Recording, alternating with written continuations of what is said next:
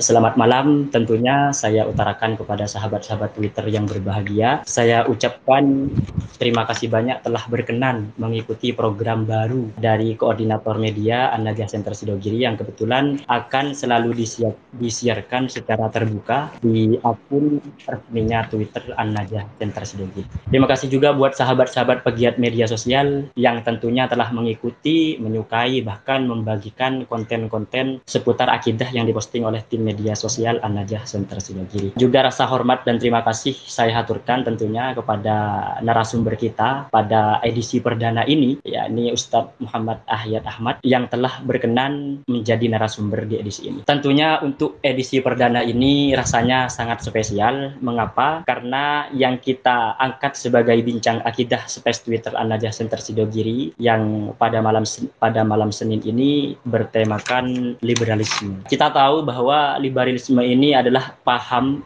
atau gerakan yang sangat membahayakan tentunya kepada tatanan umat Islam. Jadi gampangnya karena sekarang kita akan membahas tentang liberalisme, kebetulan, nah kebetulan teman-teman Twitter, ya, ini sekarang ada buku terbaru terbitan Sidogi Penerbit yang penulisnya adalah narasumber kita pada malam kali ini, yakni Ustadz Muhammad Ahyat Ahmad yang berjudul Liberalisme di sekitar kita. Jadi bolehlah kita kita katakan uh, edisi perdana ini bincang akidah sekaligus bedah buku dari karya Ustadz Muhammad Ahyat. Baik, mungkin kita sapa terlebih dahulu narasumber kita pada malam kali ini. Assalamualaikum Ustadz. Waalaikumsalam warahmatullahi wabarakatuh. Uh, bagaimana kabarnya Ustadz? Alhamdulillah baik. Bibarakati doaikum semuanya. Alhamdulillah. Uh, oh ya teman-teman Twitter sekalian, uh, biar semakin mantap edisi perdana kali ini, ya mungkin sebagian kita ada yang sudah tahu sekilas biografi dari narasumber kita pada malam kali ini. Tapi tidak ada salahnya kalau dari kami, dari moderator, dari tim media ACS juga ingin mengenalkan beliau. Ustaz Muhammad Ahyat merupakan Direktur An-Najah Center Sidogiri. Uh, beliau aktif di berbagai kegiatan, ya selain menjadi direktur tentunya, aktif juga di kegiatan-kegiatan yang lain. Seperti beliau aktif sebagai staf pengajar di MMU Aliyah, juga menjadi redaktur senior di Sidogiri Media atau yang lebih dikenal dengan Buletin Sidogiri. Bahkan dulu beliau sempat menjadi kabak kuliah syariah. Dan tentunya karena memang beliau terkenal sebagai seorang penulis, maka beliau juga aktif di Sidogiri Penerbit atau Pustaka Sidogiri dan alhamdulillah telah banyak melahirkan karya-karya buku yang bermanfaat dan karya-karya tersebut adalah karya-karya yang mengulas pemantapan akidah Ahlus Sunnah wal Jamaah juga karya yang membantah dan mengkritik akidah non aswaja dan salah satunya yang akan kita bedah pada malam kali ini yakni buku dengan judul Liberalisme di sekitar kita. Nah, ini Ustadz Ahyat, uh, sebelum kita sebelum antum membedah buku yang antum karang uh, dan barusan terbit di Sidoge Penerbit, ini setidaknya ada dua pertanyaan yang ingin kami utarakan, uh, yakni tentang pertama uh, ngomong-ngomong ya Ustaz, uh, seputar liberalisme. Kita tentu tahu bahwa liberalisme ini adalah paham kebebasan yang sangat sangat membahayakan. Kira-kira menurut antum kalau berbicara soal bahaya dari liberalisme ini sejauh apa sih pengaruh bahaya golongan yang berpaham liberalisme ini terhadap pola hidup masyarakat muslim kita? Kira-kira apa? Sejauh mana pengaruh bahaya mereka kepada pola hidup muslim di Indonesia khususnya atau di dunia umumnya? Ya baik. Kalau ditanyakan tentang eh, bahayanya tentu sangat berbahaya karena saat ini ide-ide liberalisme itu sudah masuk pada tataran e, aplikasi. Bukan hanya sebatas teori akan tetapi telah dipraktikkan atau dijalankan e, baik secara sadar maupun tidak. Oh. sehingga misalnya ya ada paham misalnya sekularisme. Nah kebanyakan bukan kebanyakan ya, banyak sekali dari umat Islam di Indonesia yang berkeyakinan bahwa agama itu adalah urusan pribadi masing-masing yang tidak ada kaitannya dengan dunia luar, tidak ada kaitannya dengan sosial, tidak ada kaitannya dengan negara dan seterusnya. Dan ini paham ya, sekularisme. Ya.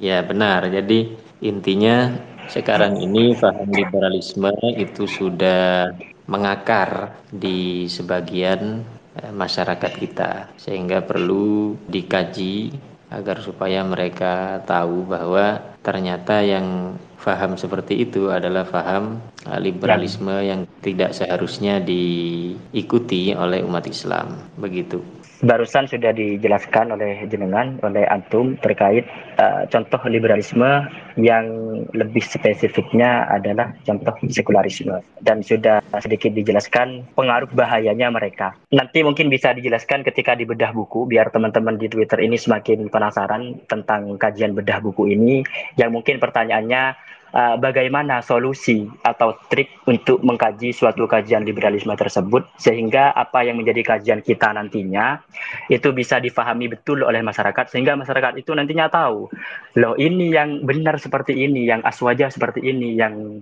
uh, benar kajiannya seperti ini. Berarti dari kemarin-kemarinnya saya sudah salah mengikuti uh, paham-paham uh, yang bebas ini. Nah uh, berarti kan pertanyaannya mungkin yang bisa dijelaskan nanti trik untuk mengkaji itu dan menyampaikan kepada umat agar mereka cepat paham itu seperti apa. Namun itu mungkin bisa dijawab nanti ketika dibedah buku. Uh, untuk soal yang kedua ini Ustaz. Ini ada pertanyaan ya berangkat dari teman-teman ACS juga yang kebetulan di kajian mungkin sempat-sempat teman-teman itu sa saling tanya satu sama lain.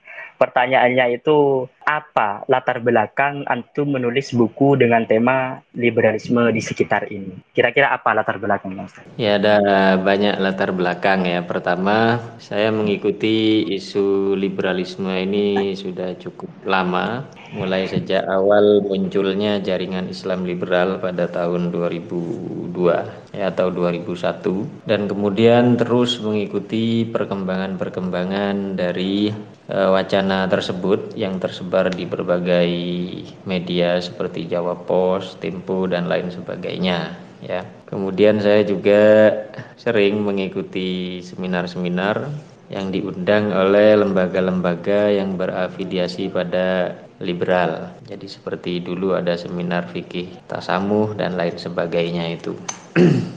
Nah, hingga kemudian saya terus mengikuti ketika teman-teman dari kalangan liberal itu mulai meningkatkan kajian pada pada mengkaji kitab-kitab kuning. Semisal ada eh, kajian bedah terhadap eh, membedah kitab Ukudulujen. Nah, itu juga saya mengikuti ya. Ya tentunya ini adalah eh, liberal versi atau feminisme ya yang kemudian okay. itu dibantah oleh teman-teman dari MUI Pasuruan. Nah, tentu saat itu saya belum terlibat akan tetapi hanya mengikuti saja.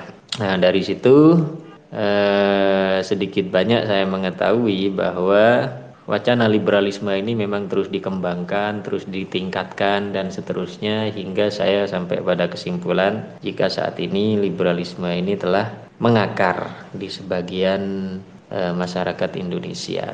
Kemudian yang kedua, saya melihat sangat minim dari kalangan pesantren itu yang membahas tentang liberalisme. Padahal seperti saya katakan barusan, seperti saya katakan barusan, liberalisme ini sudah mengakar. Akan tetapi kenapa yang membahas liberalisme dari kalangan pesantren itu kok minim atau mungkin sedikit sekali ya yang banyak mereka membahas Wahabi. Jadi Wahabi itu sudah sangat melimpah pembahasan-pembahasan Wahabi dari kalangan pesantren NU dan lain sebagainya ya.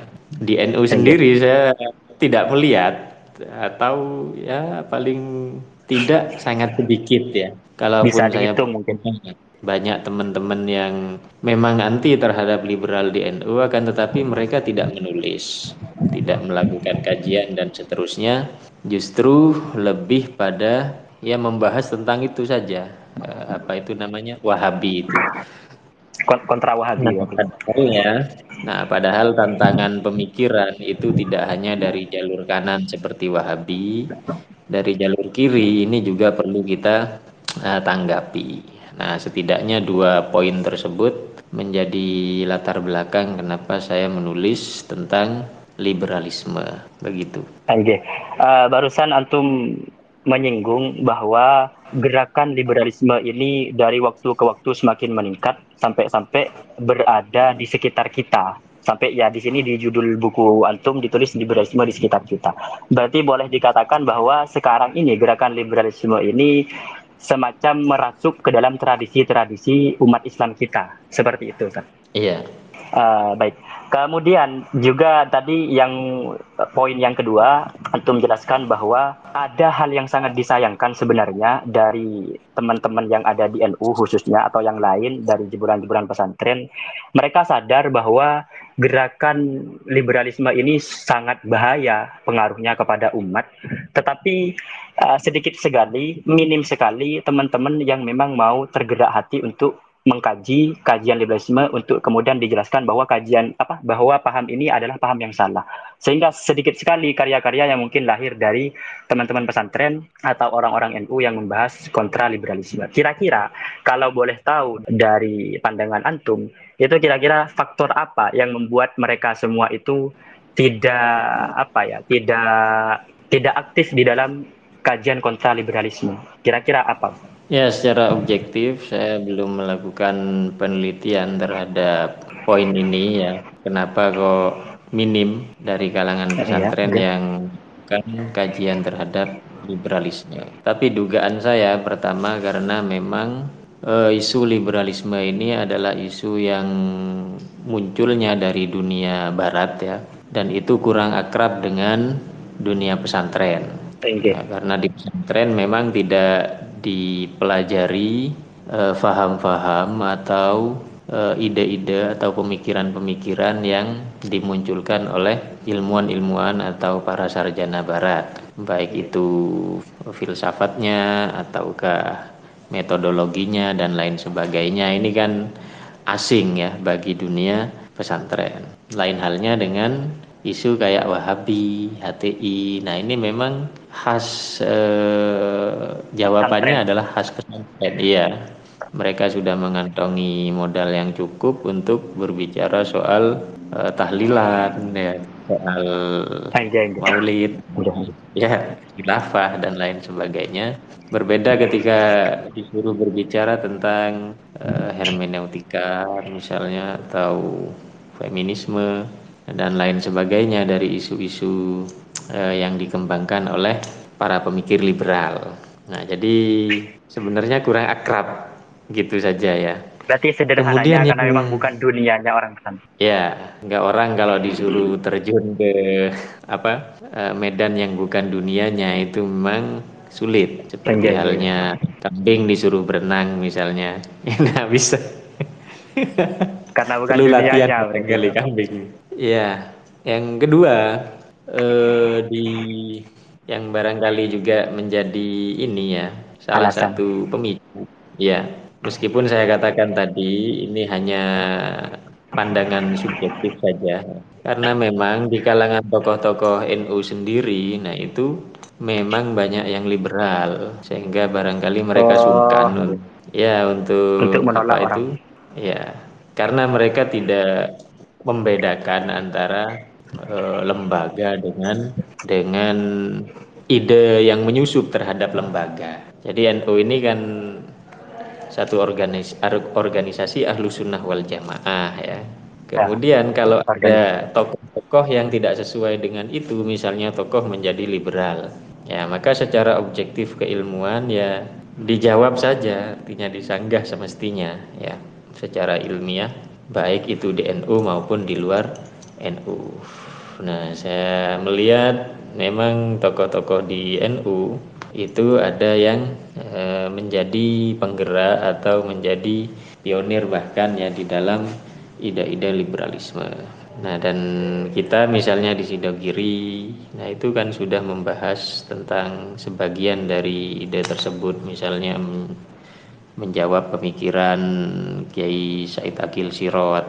Nah ini kan bukan berarti menyerang terhadap NU, akan tetapi itu adalah ya, murni murni diskusi ilmiah. Ya, ketika kita sebagai NU melihat ada seorang oknum NU yang pemikirannya tidak sesuai dengan NU, maka ya harus dijawab dan harus diberitahukan kepada umat bahwa ini adalah e, tokoh NU tapi pemikirannya tidak sesuai dengan NU sehingga perlu berhati-hati.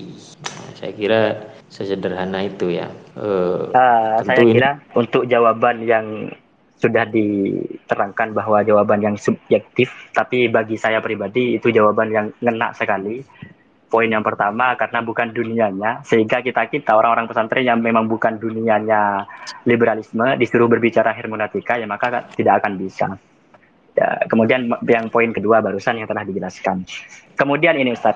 Oh ya, sebelumnya saya beritahukan atau saya sampaikan kepada semua pegiat media sosial khususnya yang sudah nimbrung di acara Space Twitter Bincang Akidah Liberalisme di sekitar kita ini. Saya sampaikan lagi, ini buku yang baru saja terbit di tahun sekarang, di tahun ya akhir tahun bulan Hijriah ini sangat bagus dan mendapatkan apresiasi dari banyak teman-teman. Nah, barangkali mungkin dari teman-teman sahabat-sahabat Twitter yang berkenan untuk membeli bisa diklik uh, link di postingan uh, An-Najah Center di Twitter khususnya. Bisa antum semua cek di link yang sudah disediakan oleh tim di ACS.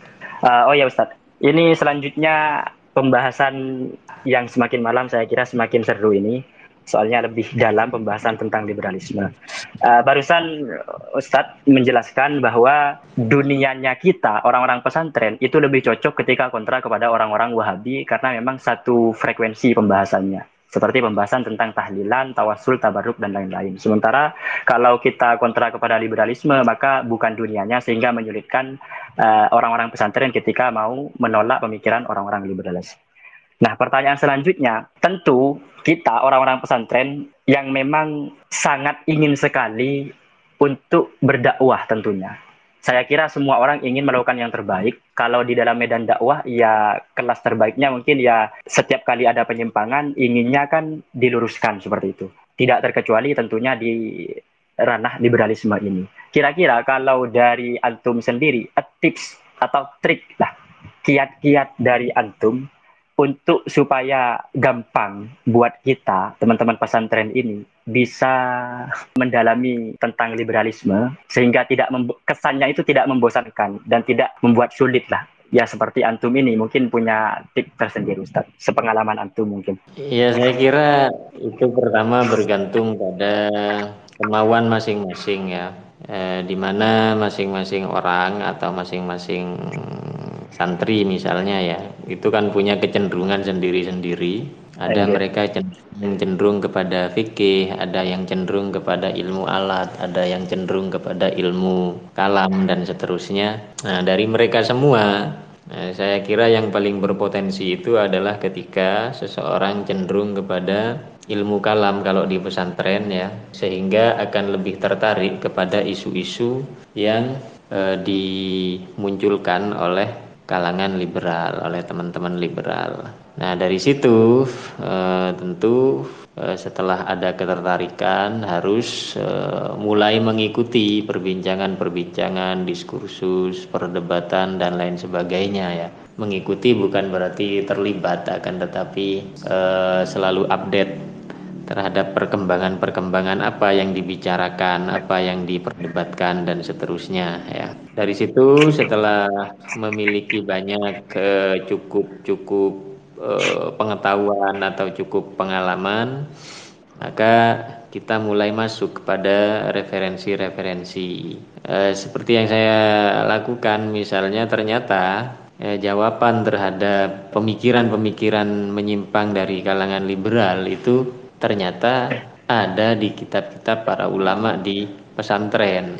Nah, kenapa teman-teman ke kesulitan untuk membahas persoalan liberalisme misalnya? Ya karena mereka belum e, memahami ya, inti dari persoalannya. Jadi semisal e, yang dibahas adalah persoalan feminisme Nah, kitab-kitab tafsir itu penuh dengan jawaban-jawaban terhadap uh, iskal-iskal yang dimunculkan oleh para pemikir feminis atau misalnya fikih atau misalnya faroid. Ini itu adalah jawaban terhadap jadi misalnya feminisme ya.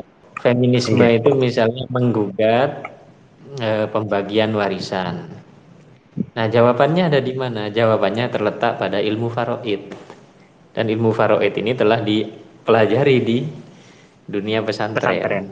Nah, ya, jadi sebenarnya sekalipun kita tidak begitu menguasai terhadap khazanah eh, barat misalnya ya, di mana kita misalnya belum bisa masuk ke dalam sumber primer mereka. Nah, akan tetapi dengan memahami inti persoalan, nah kita bisa memberikan jawaban dengan tepat dengan merujuk pada karya-karya para ulama yang sudah dipelajari di pesantren. Jadi misalnya lagi ada feminisme yang menggugat tentang uh, hadis ini bias gender, hadis itu bias gender. Ternyata jawaban terhadap eh, tuduhan-tuduhan tersebut sudah diuraikan oleh para ulama di dalam syarah-syarah hadis. Nah, seperti itu. Nah, jadi berarti emang kalau kita ya. berarti intinya kalau kita memang i, memahami inti persoalannya, kemudian kita kaitkan, kita cari di kitab-kitab, sebenarnya ada semua. Iya, ada semua. Karena apa? Karena eh, yang digugat oleh apa itu para pemikir liberal, nah itu adalah persoalan-persoalan eh, yang sudah kuno, yang tentu jawabannya sudah banyak numpuk di dalam kitab-kitab para ulama di dalam kitab tafsir, kitab uh, syarah hadis dan lain sebagainya. Jadi apabila yang di apa itu apabila yang digugat itu adalah misalnya Al-Qur'an, maka jawabannya ada di dalam banyak sekali ulumul Quran, di dalam ulum ulumut tafsir dan seterusnya. Uh, yang saya lakukan di dalam buku liberalisme di sekitar kita itu murni merujuk kepada kitab-kitab para ulama, uh, kepada kitab tafsir, kepada kitab syarah hadis dan dan lain sebagainya. Jadi referensi untuk uh, liberalisme untuk membahas tentang liberalisme di pesantren ini saya kira sudah sangat memadai ya sehingga apabila ditambah dengan referensi-referensi dari luar dunia luar atau dunia barat ya maka tentu akan lebih uh, lebih sempurna lagi begitu saja. Uh, namun intinya dengan uh, misalnya seseorang tidak bisa bahasa Inggris tidak menguasai ini itu itu bukan alasan untuk uh, tidak bisa membahas isu-isu liberalisme. Saya kira begitu. Ah, baik, uh, saya kira jawaban-jawaban barusan ada beberapa poin.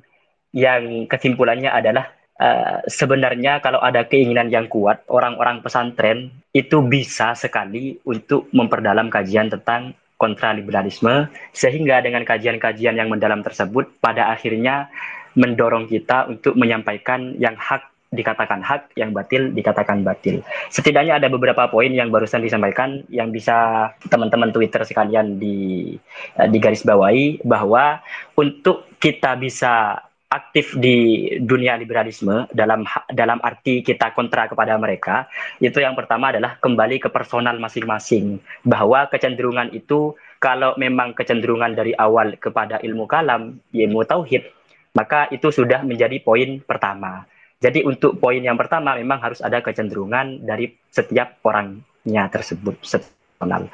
Kemudian yang kedua harus fokus kepada pembahasan dan isu-isu terkini. Ya atau bahasa lainnya adalah mengikuti ya. Nah, mengikuti sebagaimana disampaikan barusan bukan berarti kita menjadi liberal, tapi menyimak setiap isu-isu yang uh, ngetren tentang. Kemudian yang terakhir setelah kita fokus kemudian mengikuti yang terakhir adalah memahami inti persoalan dengan cara kita rujukkan, kita kembalikan kepada karya-karya ulama kita. Karena sebagaimana disampaikan barusan, semuanya ada di kitab-kitab uh, yang sudah dikarang oleh ulama alusunah wal jamaah. Selanjutnya ini Ustaz, pertanyaan yang mungkin bisa menjadi pertanyaan terakhir sebelum setelah ini akan dibuka pertanyaan kepada teman-teman uh, pendengar.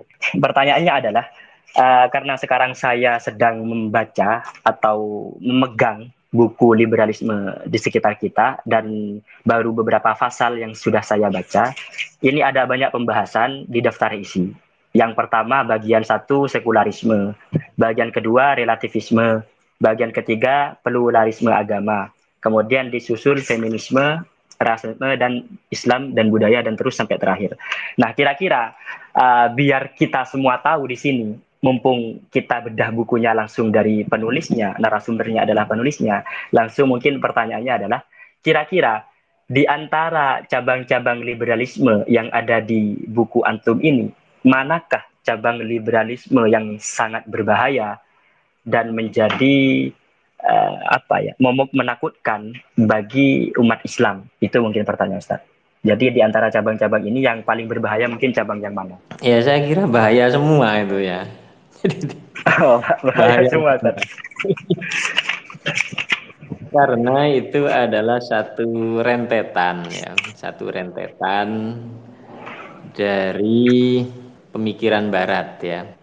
Nah, jadi apa sih yang dimaksud liberalisme yang saya bahas ini? Yang dimaksud adalah pemikiran-pemikiran atau ide-ide yang muncul di dunia barat yang dipengaruhi oleh pengalaman mereka selama ya ribuan tahun, selama seribu tahun lebih hingga kemudian melahirkan eh, fenomena yang khas ya, fenomena yang khas eh, khas dunia barat. Jadi misalnya Barat punya pengalaman dengan agama dan pengalaman itu pengalaman yang uh, bisa dikatakan memilukan ya karena agama di Barat itu mengerangkeng kemudian menyebabkan kemunduran dan lain sebagainya bertentangan dengan sains dan lain sebagainya akhirnya eh, sebagai reaksi pada akhirnya dunia barat, manusia barat itu kemudian menyingkirkan agama dari kehidupan mereka. Nah, maka ini yang disebut dengan eh, sekularisme. Jadi agama kemudian dijadikan urusan privat dan eh, segala urusan sosial, budaya, politik, ekonomi dan lain sebagainya itu sudah dilepaskan dari uh, aturan, norma dan hukum-hukum agama. Nah, ketika uh, ide ini, ide pemisahan antara urusan agama dan urusan dunia ini kemudian uh, disusupkan ke dalam Islam, maka ini jadi satu masalah kan begitu. Kenapa? Karena dunia Islam itu tidak mengalami persoalan sebagaimana yang dihadapi oleh dunia barat. Orang-orang barat. Nah, atau contoh seperti contoh yang lebih eh, jelas lagi kayak feminisme. Feminisme itu juga lanjutan dari fenomena barusan. Jadi karena agama di barat itu ketika memimpin dunia atau ketika agama Kristen itu dijadikan sebagai tongkat untuk mengatur segala sesuatu di barat. Kemudian hasilnya adalah diskriminasi terhadap wanita ya sehingga 90 persen 90 persen korban inkuisisi itu adalah wanita nah maka kaum pada perempuan. akhirnya nah, kaum perempuan di barat itu kemudian memberontak kepada agama minta disetarakan kan begitu. Kenapa? Karena agama ini sudah tidak adil kepada perempuan. Nah adapun ketika ide ini diambil begitu saja lalu disusupkan ke dalam Islam sehingga dimunculkan gerakan feminisme di dalam Islam maka ini jadi masalah. Kenapa? Sebab e, umat Islam.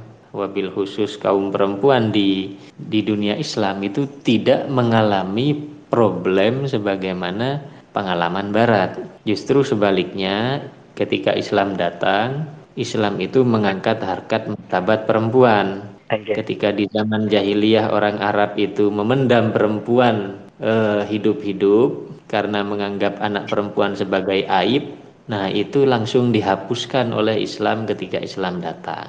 Nah ini kan eh, apanya yang perlu penyetaraan atau pemberontakan. Jadi eh, tidak ada alasan di dunia Islam untuk bagi perempuan untuk memberontak, meminta kesetaraan sebagaimana yang terjadi di dunia barat.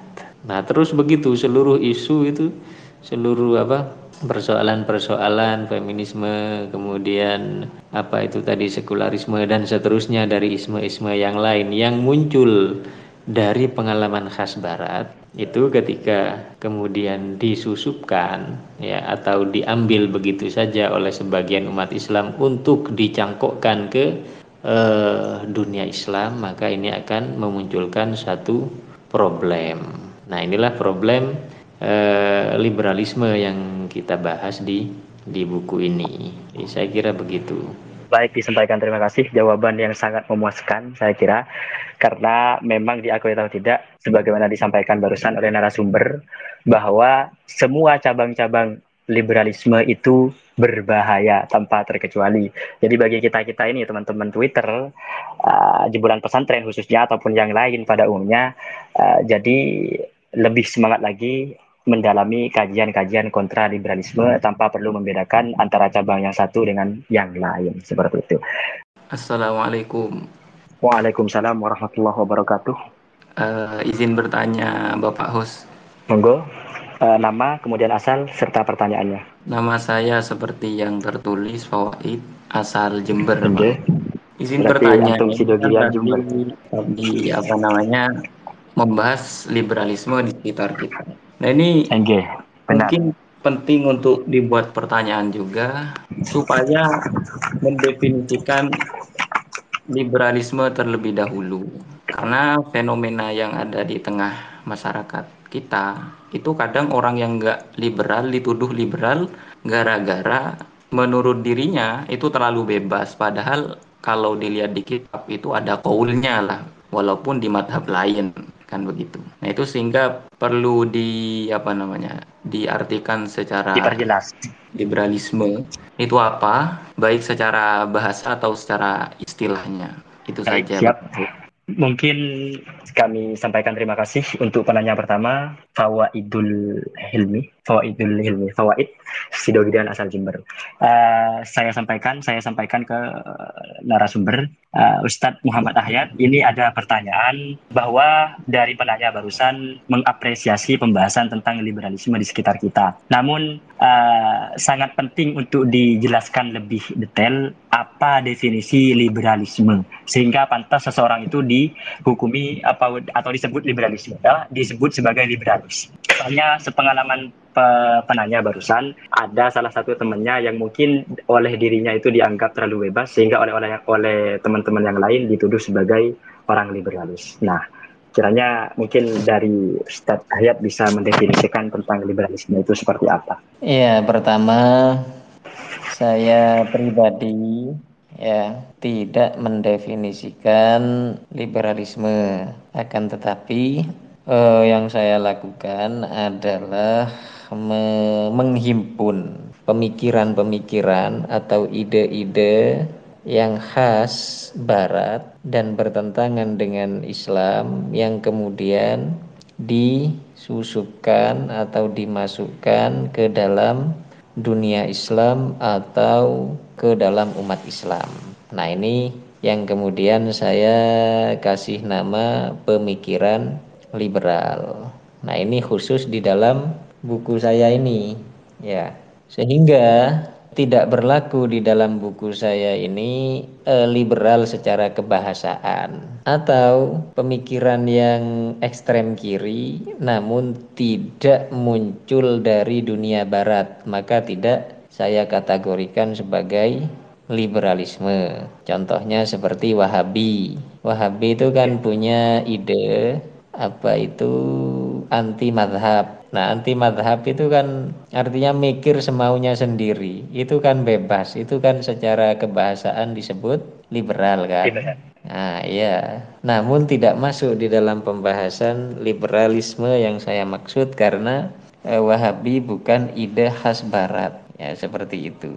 Atau kejawen. Nah, kejawen itu sangat-sangat liberal kalau secara kebahasaan, namun mereka karena tidak berasal dari barat, maka tidak kami masukkan tidak saya masukkan ke dalam uh, istilah ke dalam liberalisme secara secara istilahi ya. Nah, jadi apa pemikiran liberalisme itu? Nah, bagi saya sendiri yang dimaksud liberalisme yang kita bicarakan sejak tadi atau pemikiran-pemikiran liberal yang beredar di Indonesia itu arahnya adalah pada pemikiran eh, yang muncul dari pengalaman keagamaan di Barat yang problematis kemudian dimasukkan baik secara terencana maupun tidak ke dalam dunia Islam dan dipaksakan atau di apalah ya kepada umat Islam. Nah, ini yang saya maksud dengan liberalisme. Nah, adapun apakah ada definisi liberalisme itu? Saya sendiri tidak tahu dan saya sendiri belum menemukan ya, belum menemukan definisi yang pas tentang liberalisme itu. Apabila kita masuk kepada misalnya etimologi, ya maka tentu eh, liberal liberal secara etimologi yang berarti bebas, liberty dan lain sebagainya itu tentu terlalu luas untuk eh, apa itu namanya segala ya segala sesuatu yang dianggap kiri itu nanti menjadi liberal semua ya, kan begitu. Nah, maka saya kira pengelompokan yang saya lakukan itu merupakan ijtihad dari Al-Fakir sendiri ya. Ya maksudnya eh, sepemahaman saya begitu. Kemudian istilah liberal itu sendiri itu ada beberapa istilah ya, ada beberapa istilah yang semuanya berasal dari barat dan menunjukkan pada makna yang sama sebetulnya. Jadi misalnya liberal itu sendiri, nah, liberal itu kan liberty dan seterusnya. Liberal itu awalnya terjadi di dunia politik dan ekonomi sehingga ada ada ekonomi liberal, ada politik liberal, ada demokrasi liberal dan seterusnya.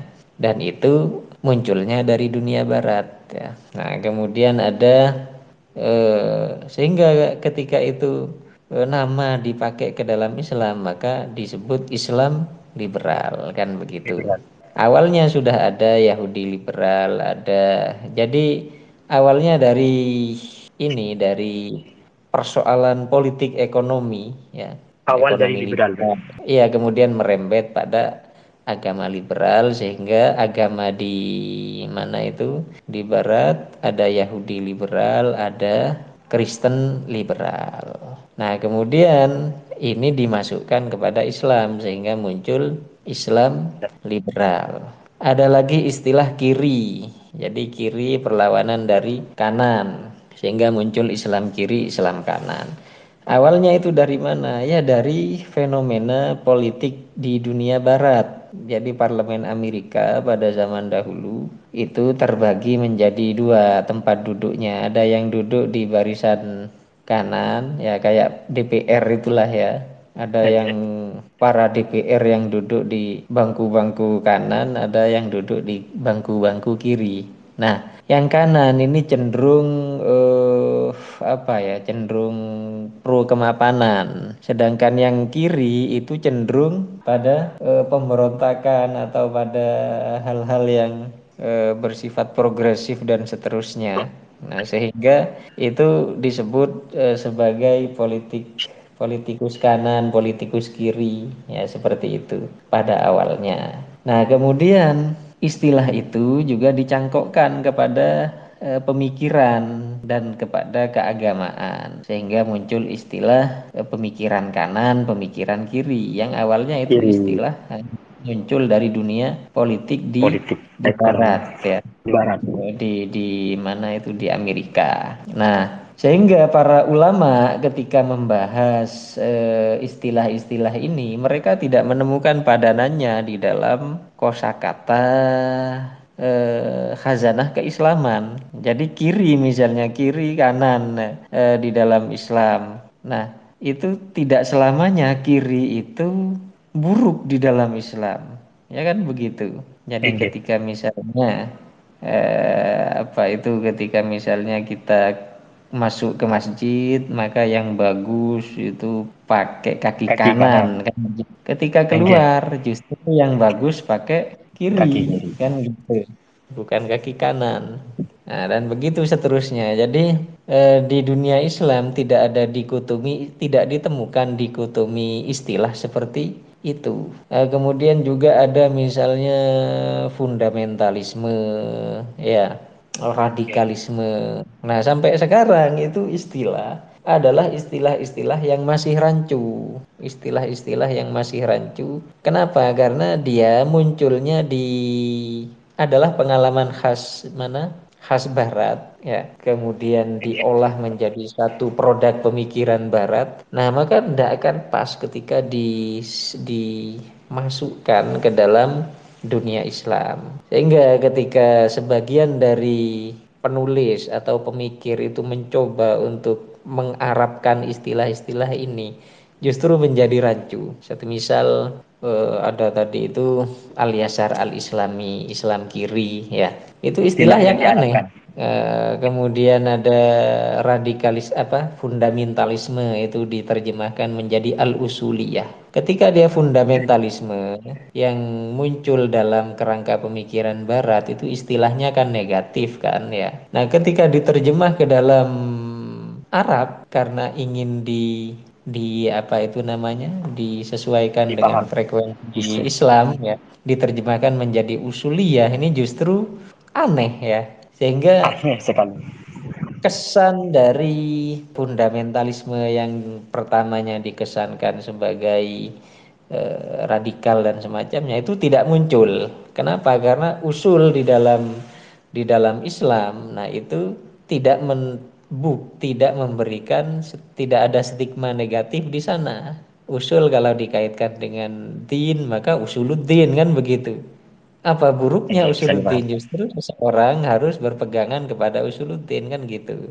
Usul iya. kalau disandingkan dengan fikih maka menjadi usulul fik nah, dan seterusnya. Jadi fundamentalisme itu tidak tidak sama dengan usuliyah. Nah, jadi Eh, istilah-istilah itu adalah hal apa problem awal ya problem awal yang uh, yang menunjukkan bahwa ini konsep-konsep yang bermasalah ya, sehingga ketika ketika misalnya umat Islam mau mencoba untuk uh, mendefinisikan liberalisme dengan berangkat dari dari apa itu namanya berangkat dari lugot lugawinya ya atau dari etimologinya. Nah, itu etimologi. Ya kesulitan. Kenapa? Karena di dalam Islam atau katakanlah Arab itu kita tidak menemukan ya, tidak menemukan istilah yang pas untuk eh, liberal, untuk liberal atau liberty yang dimaksudkan di dalam dunia barat itu. Mau diartikan apa? Apa hurriyah? Hurriyah justru tidak menggambarkan liberal ya liberal. justru bagus kalau di di di Islam ya jadi bukan satu penyimpangan sama sekali ya. Jadi ya begitulah ya. Jadi sejak sejak dari sejak dari kosakata saja ini sudah menyimpan konsep-konsep yang berbeda ya antara apa yang dimaksud de, dengan apa dengan kunci-kunci pemikiran itu ketika lahir di dunia barat eh, kemudian mau diislamkan mau diakrabkan dengan Islam atau bahkan mau dibumikan bersama masyarakat Islam. Nah ini eh, menjadi satu eh, problem atau persoalan yang bermasalah ya menjadi satu hal yang bermasalah sejak dari definisi. Sejak dari definisi bahkan sejak dari kosakata. Nah ketika dari akar itu sudah bermasalah maka apalagi sampai ke dalam-dalamnya sampai ke inti pemikirannya nah tentu akan semakin muncul eh, ketidaksinkronan ketidaksinkronan ini ya yang menunjukkan betapa ide-ide itu memang tidak sesuai dengan Islam. Ya, saya kira begitu ya. Assalamualaikum warahmatullahi wabarakatuh. Nama saya Waalaikumsalam warahmatullahi wabarakatuh. Nama saya Muhammad Fauzi, asal dari Bandung. Ini dari Bandung. G. Saya langsung saja ke pertanyaannya, G. Ini kan sedang bisa disampaikan Bapak. G. Tentang masih terkait tentang judul buku liberalisme di sekitar kita. Sebagaimana yang disampaikan tadi Ustadz Ahyat Ahmad bahwa sekarang apa namanya bahkan tokoh-tokoh NU sudah banyak yang agak liberal dan bahkan di sekitar kita pun sudah banyak yang liberal. Nah, pertanyaan saya, banyak tokoh-tokoh terkenal bahkan dalam NU pun yang terkenal sudah lama terjun ke pondok pesantren, mungkin bahkan lulusan pondok pesantren terkenal dan sekarang terkenal menjadi antek liberal. Nah, pertanyaannya apa sih faktor-faktor yang apa namanya membuat tokoh-tokoh tersebut menjadi liberal? Padahal kalau dilihat dari status orang-orang tersebut itu sudah lama mondok dan sudah lama belajar agama kitab-kitab kuning para ulama begitu. Mungkin itu saja yang saya tanyakan. Oke, bisa langsung ke Bapak host, insya Allah.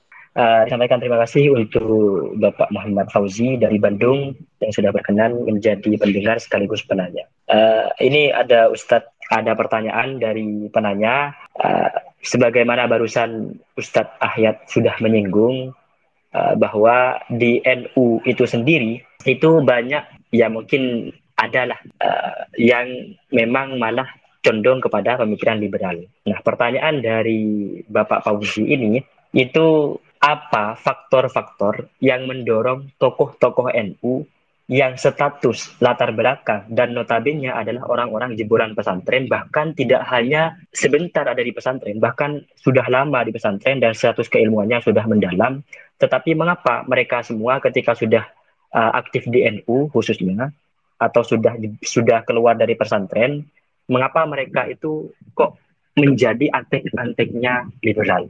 Itu mungkin pertanyaannya yang bisa antum tanggapi Ustaz.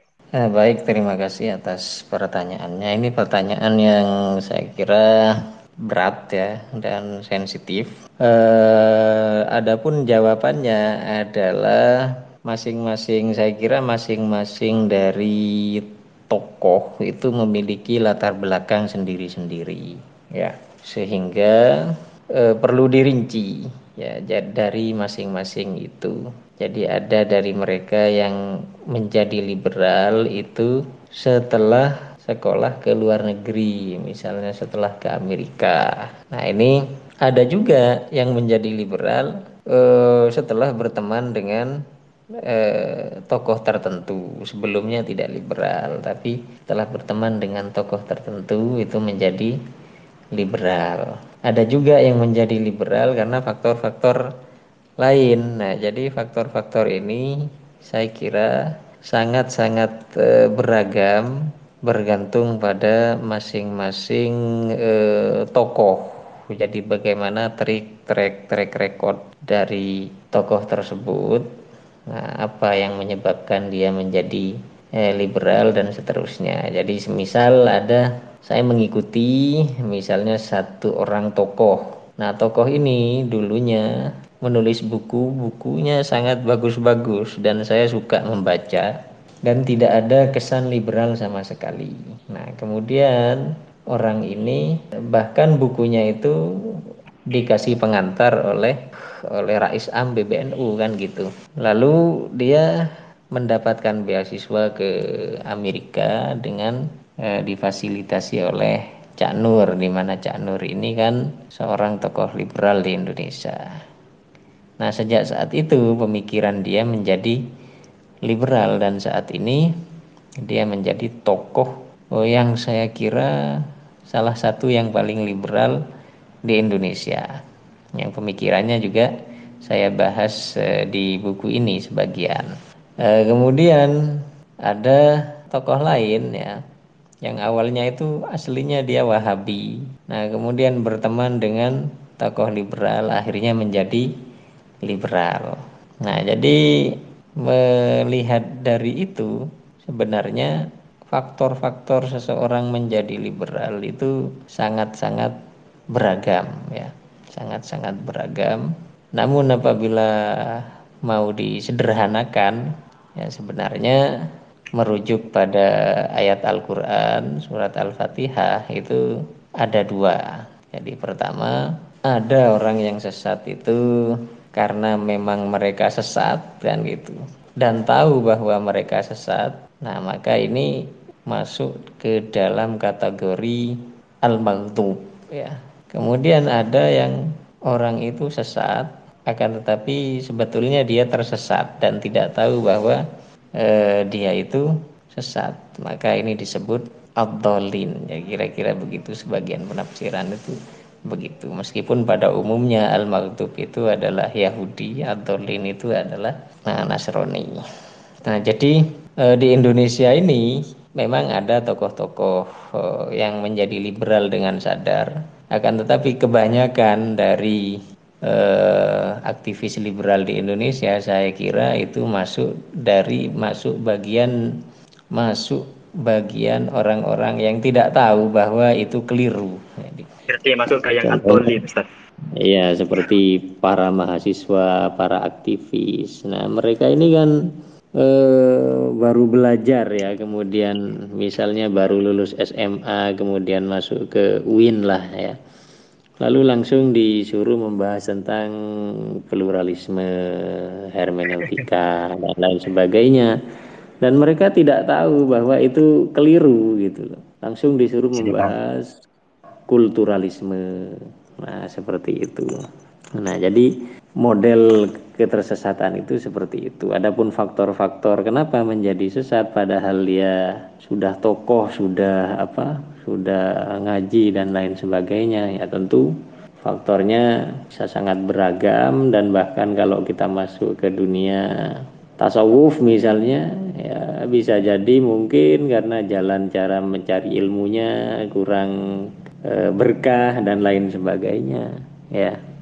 Karena mengambil beasiswa dari Yahudi barangkali itu bisa menjadi faktor juga ya. Karena syarat mendapatkan ilmu ber yang berkah yang bermanfaat itu ya harus segala sesuatunya itu bersih. Beasiswanya itu ya benar-benar beasiswa yang tulus karena Allah bukan karena agenda agenda perang pemikiran misalnya atau agenda penjajahan dan lain sebagainya. Nah ini kan sampai ke situ kalau kita mau e, menggali faktor-faktor ya.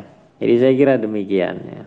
Assalamualaikum warahmatullahi wabarakatuh. Waalaikumsalam warahmatullahi wabarakatuh. Bisa dijelaskan nama dan asalnya serta pertanyaan. Baik, saya Muhammad Nurullah dari Karampenang Sampang.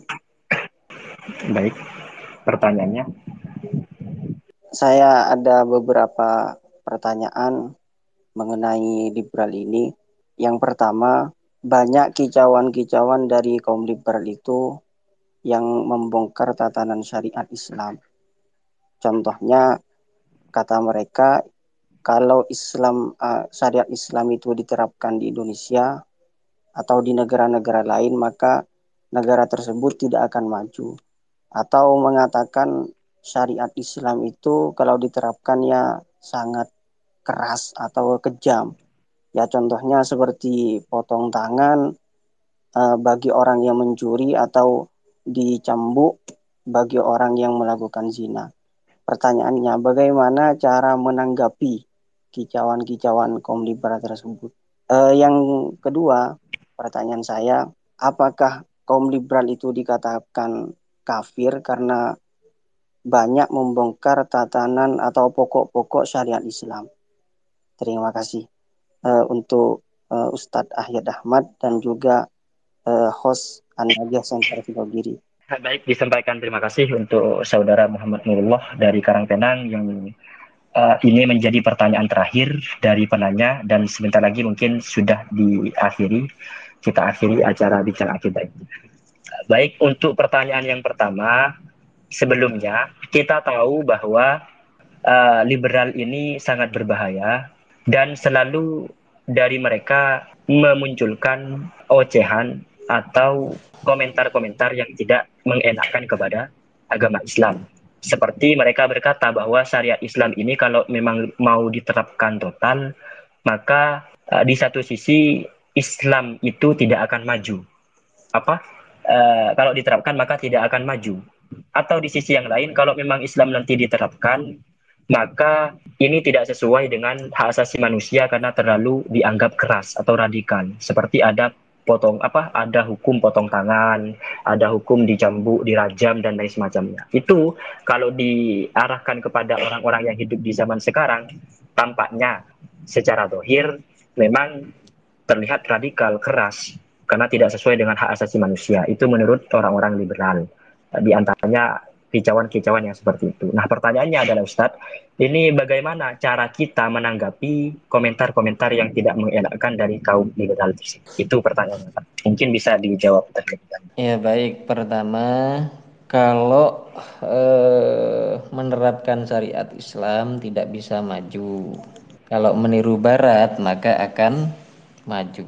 Nah, ini komentar atau pernyataan yang tidak berdasar Baik. dan tidak terbukti tidak terbukti secara nyata. Jadi tidak ada dunia Islam sekarang ini yang maju disebabkan meniru barat itu tidak ada. Artinya meniru sejak dari pikiran, kemudian tatanan dan lain sebagainya, kemudian menjadi maju secara secara duniawi itu tidak ada. Pada zaman dahulu eh, peniruan terhadap barat itu sudah dilakukan secara total oleh Eh, negara Turki.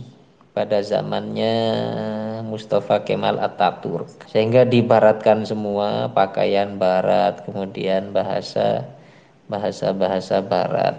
Terus apa itu bahasa Arab dilarang azan pakai bahasa lokal dan seterusnya. Ternyata membuat Turki menjadi terpuruk dari berbagai aspek sehingga kemudian secara berangsur-angsur ide itu kemudian ditinggalkan oleh masyarakat Turki sendiri. Dan sekarang Turki menuju penerapan syariat Islam yang lebih eh, lebih komprehensif dan lebih maju ketimbang ketika mereka e, meniru Barat secara harfiah. Yang kedua ada negara Mesir akan tetapi tidak total secara peniruannya juga gagal di dalam di dalam e, menging, men, menggapai kemajuan itu tidak maju, tidak seperti yang diharapkan. Nah, maka meniru Barat itu bukan solusi, ya. Yang kedua, e, perspektif kemajuan. Nah, itu perspektif kemajuan ini juga ada problem di dalam e, umat Islam jadi yang dianggap maju itu adalah orang kalau secara ekonominya kaya, kemudian secara teknologinya maju dan e, teknologinya hebat dan sebagainya itu maju. Padahal perspektif seperti ini tidak ditemukan ya, tidak ditemukan di dalam sejarah agama-agama Islam, sejarah agama Islam yang dibawa oleh para nabi ya. Jadi iya. misal Rasulullah Shallallahu Alaihi Wasallam bersama para sahabat. Nah itu apa? Itu disebut sebagai yang terbaik. Khairul kurun korni kuntum khairu ummatin diakui oleh Al-Quran terbaik ya berarti terpaling maju sudah pada akan tetapi itu tidak melihat kepada aspek duniawi justru secara duniawi pada masa Rasulullah Shallallahu Alaihi Wasallam itu eh, miskin kan begitu. Yang kuat adalah Romawi Persia. Secara teknologi juga dikuasai Romawi Persia. Tapi Romawi Persia bukan umat terbaik. Artinya mereka eh, dari perspektif agama itu tidak maju karena masih menyembah apa itu namanya sesembahan-sesembahan selain Allah. Jadi ini juga penting untuk kita uh, koreksi di dalam di dalam menilai kemajuan. Kemudian yang ketiga, kenapa Barat itu maju secara duniawi ya?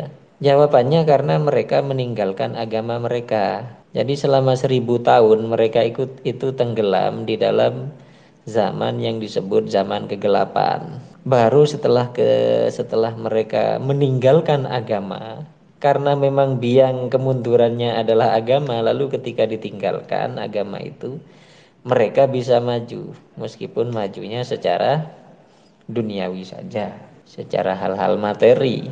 Nah kemudian Islam kenapa Islam kok mundur? Islam mundur karena yakni mundur secara duniawi termasuk secara secara mental juga ya Penyebabnya karena umat Islam meninggalkan agamanya. Kenapa begitu?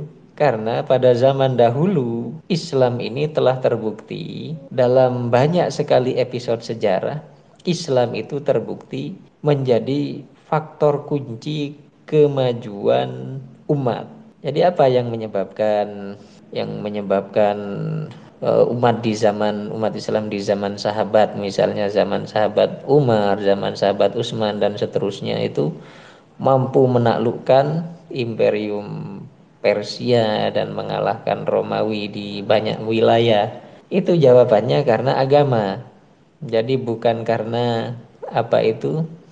Bukan karena lengkapnya persenjataan, bukan karena teknologinya lebih canggih dan lain sebagainya ndak. Nah, itu sebagaimana dibahas oleh banyak sekali di dalam bukunya saya Al-Buti dan sudah saya tulis di dalam buku eh, Islam 1.0 dari keimanan menuju peradaban dan itu penjelasannya sangat gamblang di dalam Al-Qur'an. Jadi misalnya ada ayat wa'adallahu alladhina amanu minkum wa 'amilus. Allah berjanji kepada orang-orang yang beriman di antara kalian dan beramal soleh la yastakhlifannahum fil ardi kama stakhlafal ladzina min qablihim wala yumakkinanna lahum dinahum Nah, jadi itu sudah jelas ya bahwa faktor keimanan, faktor amal soleh ini menjadi faktor kunci dari uh, istikhlaf. Layastakhlifannahum dari penguasaan terhadap uh, dunia. Layastakhlifannahum fil ard dan ini terjadi di zaman Bani Israel terjadi di zaman uh, zaman kita, pada zaman Nabi, zaman sahabat, kemudian terjadi lagi pada zaman-zaman belakangan, zaman Salahuddin Al-Ayyubi, zaman Sultan Muhammad Al-Fatih. Selalu terjadi begitu, yakni umat akan mengalami kemenangan manakala mereka itu beriman dan beramal soleh secara keseluruhan. Nah, jadi penyebab umat Islam itu mundur karena mereka meninggalkan agama sebab Islam ini adalah faktor kunci bagi kemajuan umat. Sebaliknya penyebab eh, penyebab umat di luar Islam itu maju karena mereka meninggalkan agamanya mereka. Sebab agama mereka dahulu adalah faktor yang menyebabkan mereka mundur.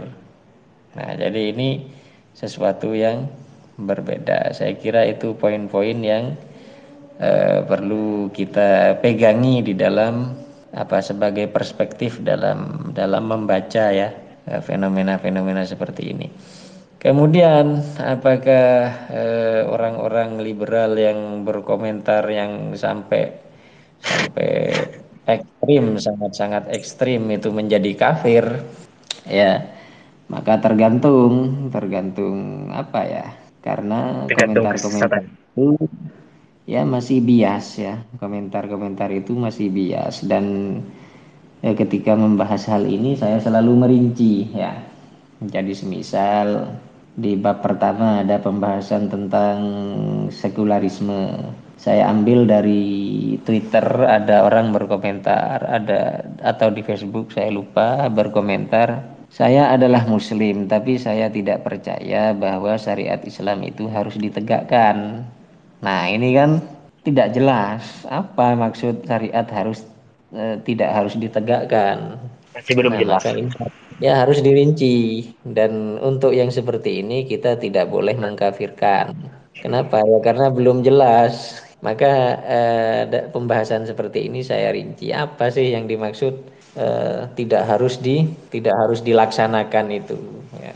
apakah urusan oh, politik ya maka kalau urusan-urusan politik ya itu adalah urusan-urusan apa ya fikih furu sehingga permasalahan di sini sangat luas kemudian apabila yang dimaksud syariat tidak harus dijalankan itu misalnya tidak harus menjalankan puasa Ramadan, tidak harus menjalankan sholat karena itu dianggap ya urusan masing-masing maka orang seperti ini jelas masuk kategori kafir ya nah, akan tetapi kita tidak boleh gegabah mengkafirkan orang yang berkomentar seperti tadi. Kenapa? Karena kita masih belum mendapatkan kejelasannya. Yang rata-rata sih sebenarnya cuitan-cuitan atau postingan-postingan liberal ini memang sangat-sangat berbahaya dan bisa menjurus kepada e, kekufuran juga.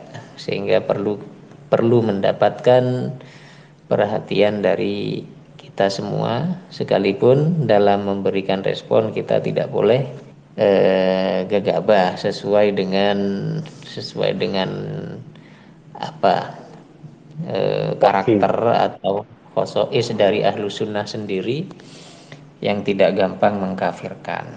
Jadi saya kira itu ya eh, dari saya. Selebihnya mohon maaf. Ihdinas siratal mustaqim. Assalamualaikum warahmatullahi wabarakatuh.